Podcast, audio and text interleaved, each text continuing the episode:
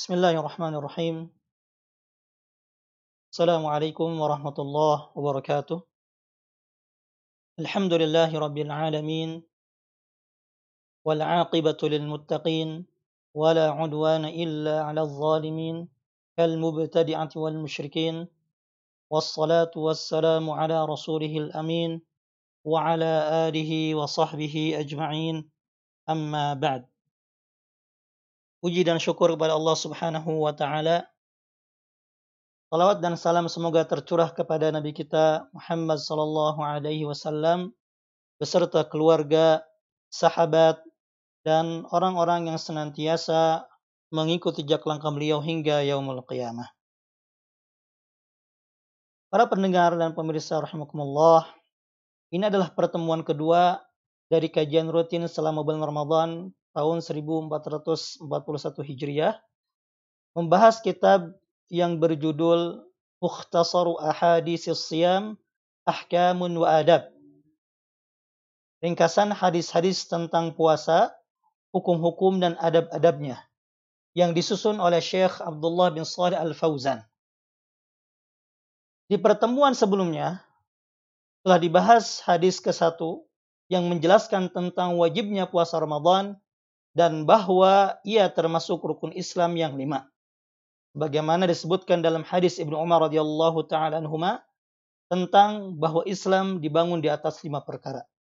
Yaitu dua kalimat syahadat, kemudian mendirikan salat, menunaikan zakat, berpuasa di bulan Ramadan, dan laksanakan ibadah haji.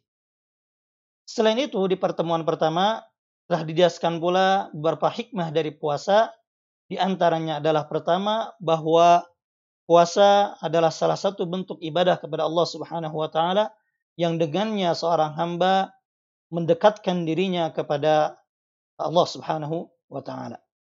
Yang kedua, puasa adalah termasuk sebab mencapai derajat ketakwaan bagaimana yang Allah jelaskan dalam Al-Qur'an surah Al-Baqarah ayat 183. Yang ketiga, menahan diri dari hawa nafsu dan mencegahnya dari kebiasaan-kebiasaan sehingga bisa melemahkan pengaruh setan dan juga meminimalisir maksiat. Kemudian hikmah keempat di antara di antara hikmah puasa adalah dengan puasa hati menjadi jernih sehingga bisa digunakan untuk berfikir dan berzikir. Yang kelima, dengan berpuasa kita bisa mengetahui nilai nikmat Allah Subhanahu wa taala kepada kita berupa kenyang yang mana banyak tidak dirasakan oleh orang-orang fakir dan miskin. Eh, selain itu di antara hikmah puasa juga adalah manfaat kesehatan sebagaimana dijelaskan oleh oleh eh, pakar kesehatan atau oleh para dokter. Para pemirsa rahimakumullah, dan pada pertemuan kedua ini insya Allah akan kita bahas hadis kedua yang berjudul As-siyamu syar'an atau puasa sesuai syar'i yang di dalamnya penulis mencantumkan hadis Abu Hurairah radhiyallahu taala anhu.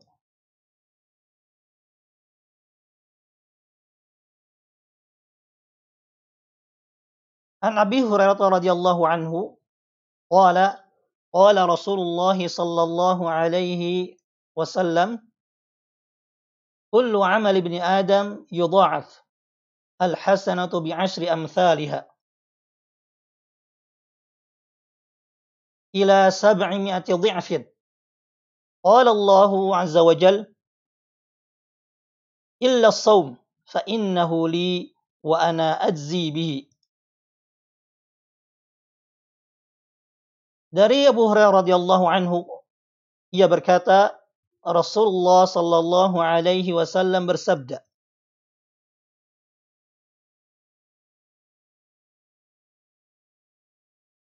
Diriwayatkan dari Abu Hurairah radhiyallahu anhu ia berkata Rasulullah sallallahu alaihi wasallam bersabda Setiap amalan anak Adam akan dilipat gandakan satu kebaikan akan dibalas 10 hingga 700 kali lipat. Allah Azza wa Jalla berfirman, kecuali puasa. Karena sesungguhnya puasa adalah bagiku dan aku sendiri yang akan membalasnya. Ia tinggalkan nafsu syahwat dan makanannya karena aku. Al-hadis muttafaqun alaih.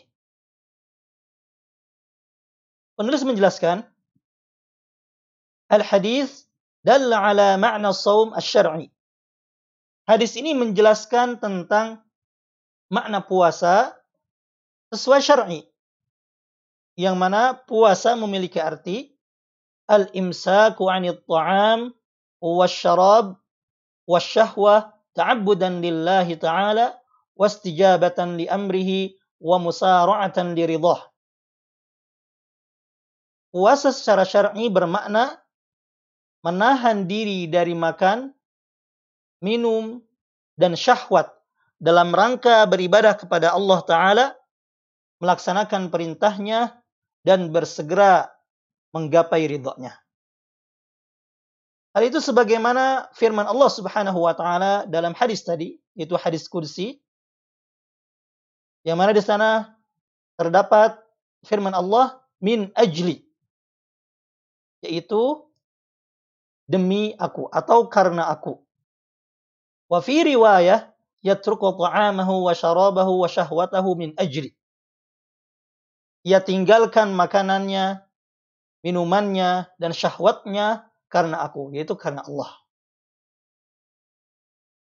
Penulis menjelaskan kepada kita tentang hakikat puasa.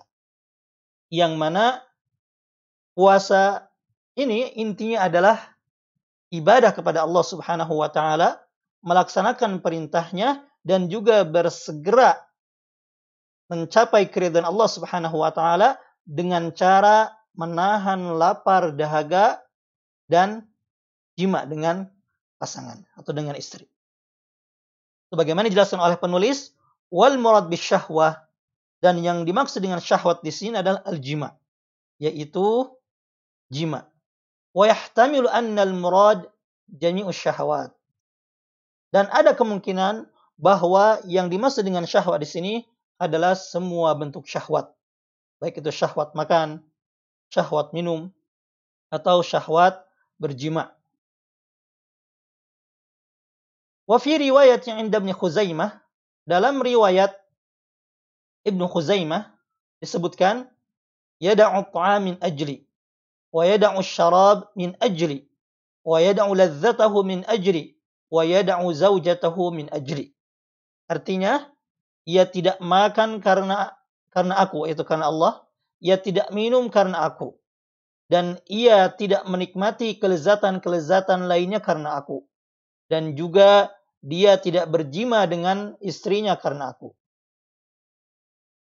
Uh, penjelasan tadi menjelaskan kepada kita hakikat dari saum sekaligus dari rukun saum.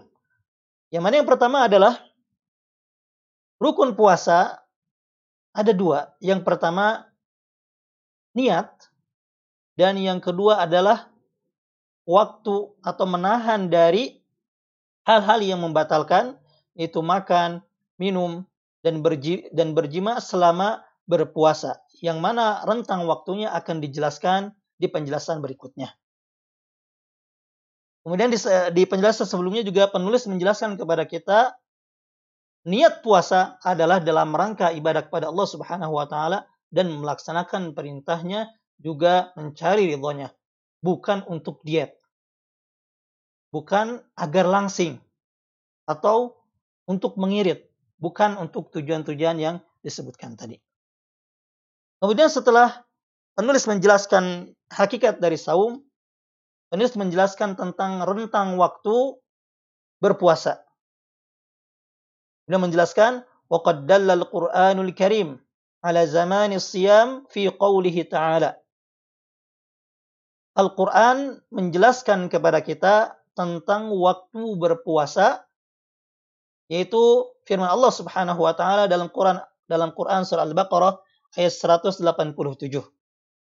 Wa kulu washrabu hatta yatabayyana lakumul khaytul abyadu minal khaytil aswadi minal fajr thumma atimmu siyama ilal lail. Artinya dan makan minumlah hingga terang hingga terang bagimu benang putih dan benang hitam yaitu fajar. Kemudian sempurnakanlah puasa itu sampai datangnya malam. Penulis menjelaskan فأباح الله تعالى الأكل والشرب ila tulu'il fajri. Dalam ayat ini Allah Subhanahu wa taala menjelaskan bahwa Allah membolehkan makan dan minum hingga terbit fajar atau subuh. Thumma amara bi itmami siyam ila lail. Kemudian setelah itu Allah Subhanahu wa taala memerintahkan untuk menyempurnakan puasa hingga malam. Maksudnya apa? Hingga terbenam matahari. Karena malam dimulai dari terbenam matahari. Wahada ma'nahu tarkul akli wasyurbi fi hadal waqt. Wahuwa ma baina tulu'il fajri wal lail. Artinya, uh, waktu tidak makan dan tidak minum adalah ini. Yaitu rentang waktu antara terbitnya fajar hingga tiba malam yaitu terbenamnya matahari. Kemudian penjelas kemudian penulis menjelaskan tentang uh, makan dan minum. Beliau mengatakan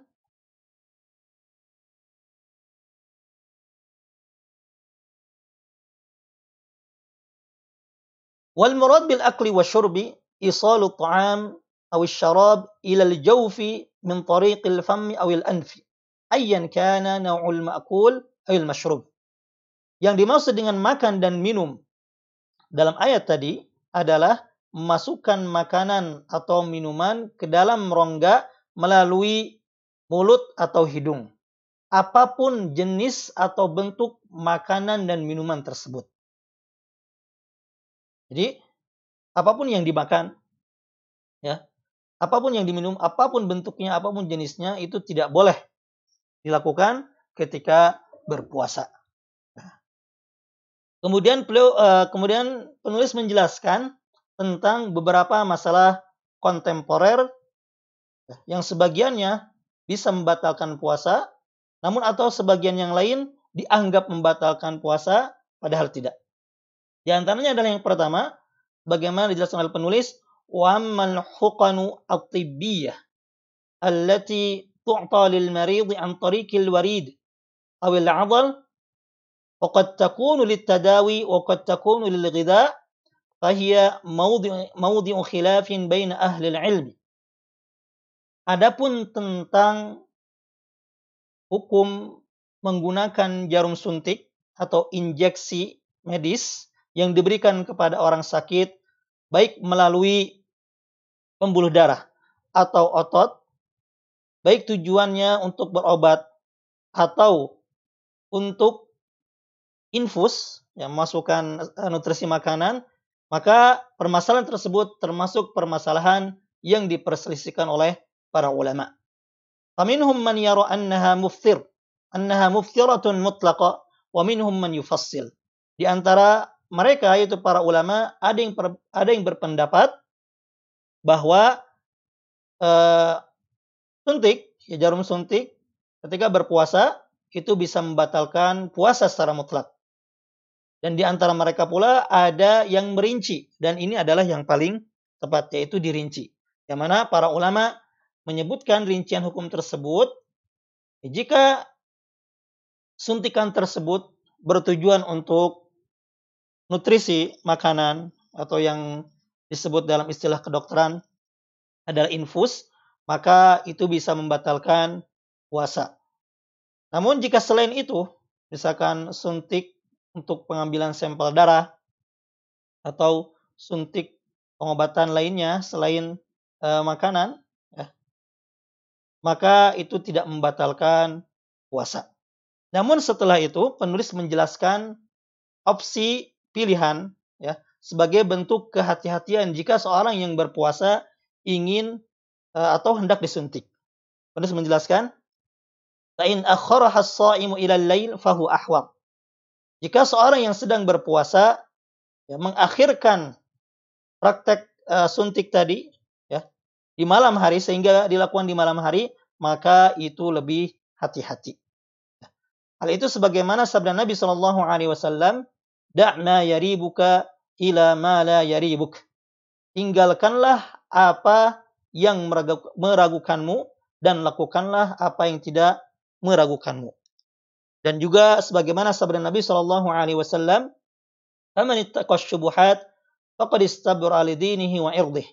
Barang siapa yang menghindari syubhat, ya, maka sesungguhnya ia telah membersihkan dirinya demi agama dan kehormatannya. Kemudian penulis menjelaskan, "Wa man ihtaja ila syai'in min dzalika fal ghalib annahu maridun yubahu.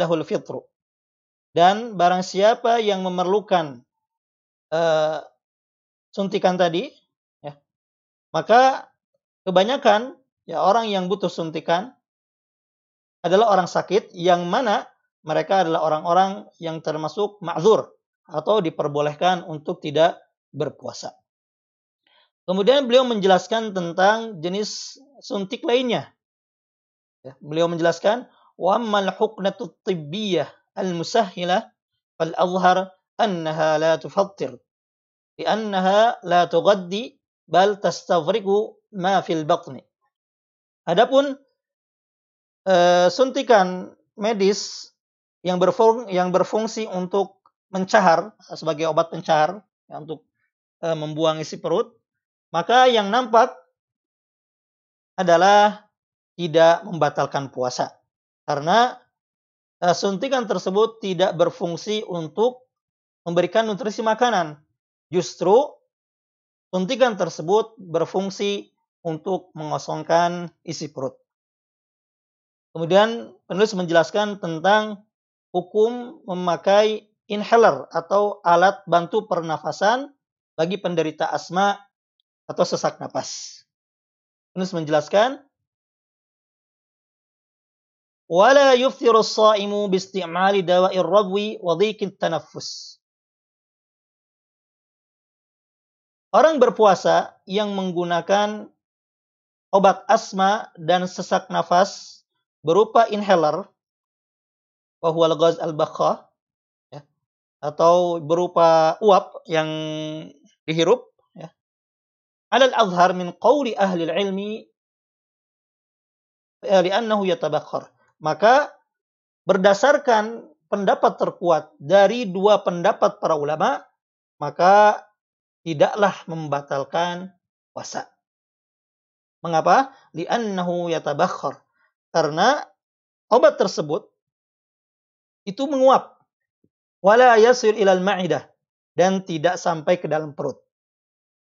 Bal ila ri'ataini an tariqil qasbah al-hawaiyah.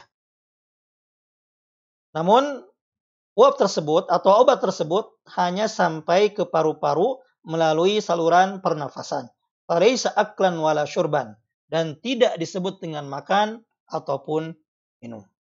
Jadi uh, alat pernafasan ini atau obat asma yang dihirup itu tidak membatalkan puasa karena tidak disebut dengan makan dan minum. Walau furida usulu syai'in minhu ilal ma'idah. Seandainya ada sedikit dari obat ini masuk ke dalam perut, bahwa qalil masyukun fi maka tidak akan berpengaruh atau tidak akan membatalkan puasa. Wa qiyasu 'alal madmadati wasiwak qiyasun wadihun. Dan e, masalah ini bisa dikiaskan dengan kumur-kumur dan siwak. Yang mana kumur-kumur dan siwak itu tidak membatalkan puasa. Itu. Kemudian penulis menjelaskan permasalahan lain ya, yang termasuk permasalahan uh, kontemporer uh, tentang puasa. Wala yuftiru bil bil kahli bil kuhli wal qatrati fil ain. Celak mata dan juga tetes mata tidak membatalkan puasa sawa'un wajada ta'ma dzalika fi halqihi aw lam yajid. Baik ketika memakai celak dan tetes mata tersebut ya rasanya uh, sampai ke dalam uh, tenggorokan atau tidak. Jadi penggunaan celak atau tetes mata uh, mutlak tidak uh, membatalkan puasa. Kemudian penulis juga menjelaskan tentang masalah lain yaitu tentang tetes hidung. Amma qatratul anfi fa innaha tufattiru idza wasalat ila al-ma'idah awil halqi. Adapun tetes hidung maka bisa membatalkan puasa jika tetesan tersebut ya sampai ke perut atau ke tenggorokan.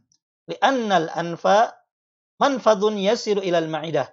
Karena hidung adalah jalan masuk yang bisa sampai ke dalam perut. Wali hadis Laqid bin Sabirah radhiyallahu anhu marfu'an dan juga sebagaimana hadis marfu riwayat Laqid bin Sabirah radhiyallahu anhu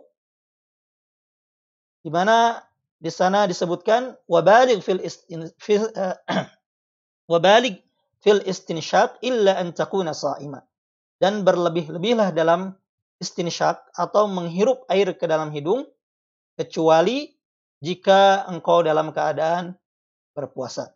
Atau maksudnya jika sedang berpuasa maka jangan berlebih-lebihan. Dikhawatirkan air yang dihirup itu masuk ke tenggorokan atau masuk ke dalam perut sehingga dapat membatalkan ibadah puasa. Jadi demikianlah uh, penjelasan singkat pembahasan kali ini. Jadi mana di penjelasan kali ini penulis uh, menjelaskan kepada kita tentang makna puasa secara syar'i dan hakikatnya juga tentang uh, rentang waktu berpuasa yaitu dari terbitnya fajar sadik hingga terbenam matahari. Kemudian beliau juga menjelaskan beberapa masalah kontemporer di antaranya adalah tentang hukum suntik atau injeksi. Uh, kemudian yang kedua penulis juga menjelaskan tentang hukum memakai inhaler obat asma atau uh, sesak napas yang mana uh, dipakai oleh penderita asma dan sesak nafas. Kemudian juga menjelaskan tentang hukum pakai celak, tetes mata dan juga tetes hidung. Kemudian penulis di pembahasan kali ini menutup dengan doa Allahumma faqihna fi dinina. Ya Allah pahamkanlah kami terhadap agama kami warzuqna al-amala bihi karuniakanlah kepada kami agar bisa mengamalkan agama agama kami wal istiqamata alaihi dan istiqamah di atas agama wa yassir wa yassirna lil yusra dan mudahkanlah bagi kami menuju jalan kemudahan wa jannibna al usra dan jauhkanlah dari kami jalan kesukaran waghfir lana fil akhirati wal ula dan ampunilah kami di akhirat dan di dunia wa liwalidaina wa li jami'il muslimin dan juga bagi kedua orang tua kami dan seluruh kaum muslimin. Demikian pembahasan pertemuan kedua kali ini. Mudah-mudahan bermanfaat. Wa akhiru da'wana alhamdulillahi rabbil alamin. السلام عليكم ورحمة الله وبركاته.